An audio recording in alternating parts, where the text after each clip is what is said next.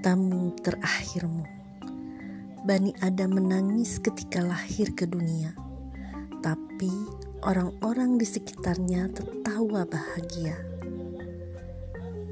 Jika dibalik, orang-orang di sekitar Bani Adam akan menangisinya ketika, yap, betul, ketika pada hari kematiannya. Persoalannya, apakah Bani Adam itu tertawa bahagia pada hari kematiannya?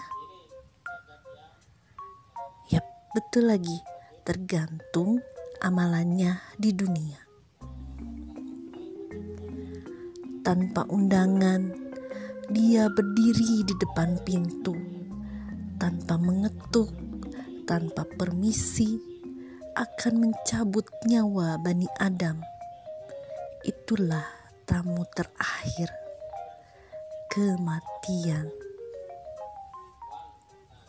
Siap atau tidak siap, masih muda, masih sehat, masih betah hidup dunia, atau masih mau menikmati harta kekayaan. Bila sudah tiba waktunya, kita tak bisa mengelak. Bukankah kuburan ada di sekitarmu?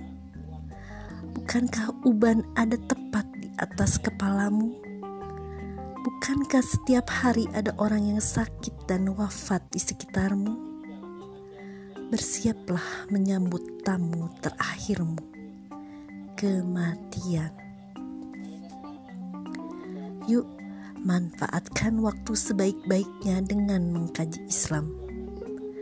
Yuk, bersegera melakukan kebaikan dan amal solih. Yuk berjuang di jalan dakwah Islam, berjamaah dengan orang-orang solih demi tegaknya syariatnya di muka bumi ini.